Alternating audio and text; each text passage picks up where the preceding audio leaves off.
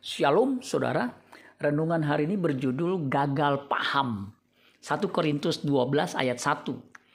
Sekarang tentang karunia-karunia roh, aku mau saudara-saudara supaya kamu mengetahui kebenarannya. 1 Korintus 12 ayat 1, terjemahan firman Allah yang hidup, bunyinya sebagai berikut. Saudara sekalian yang saya kasihi, sekarang saya ingin membicarakan karunia-karunia khusus yang diberikan oleh Roh Kudus kepada saudara masing-masing, supaya saudara jangan salah paham mengenai hal itu. Waktu Rasul Paulus mau berbicara tentang karunia-karunia roh, dia mendahului dengan sebuah kalimat, "Aku mau saudara-saudara supaya kamu mengetahui kebenarannya." Terjemahan lain mengatakan bahwa Paulus tidak mau pendengarnya gagal paham atau salah paham mengenai karunia Roh Kudus.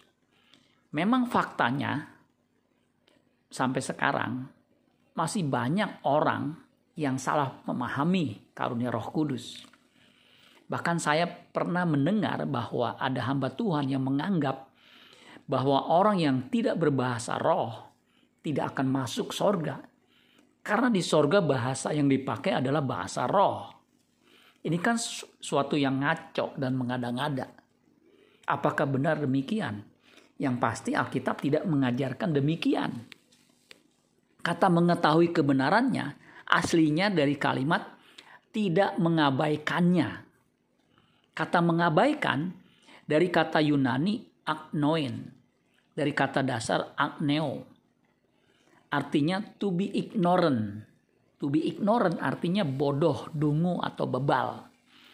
Jadi kata aslinya lebih kasar karena memang faktanya banyak orang yang jadi bodoh dan absurd ketika salah memahami kebenaran tentang karunia roh seperti contoh di atas.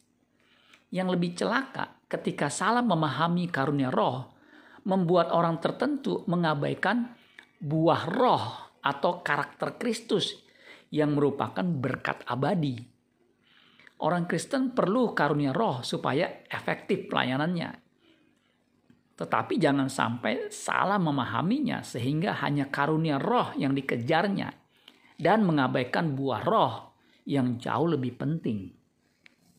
Kata agneo terdiri dari dua kata a atau alfa huruf pertama Yunani yang artinya biasanya negatif itu tidak.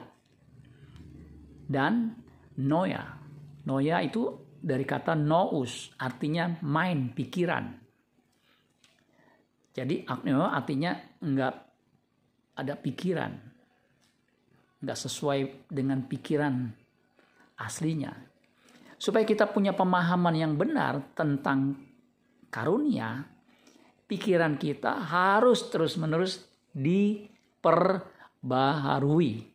Roma 12 ayat 2, Efesus 4 ayat 23. Pikiran harus terus menerus diperbaharui dengan kebenaran firman Tuhan. Amin buat firman Tuhan. Tuhan Yesus memberkati. Sola Gracia.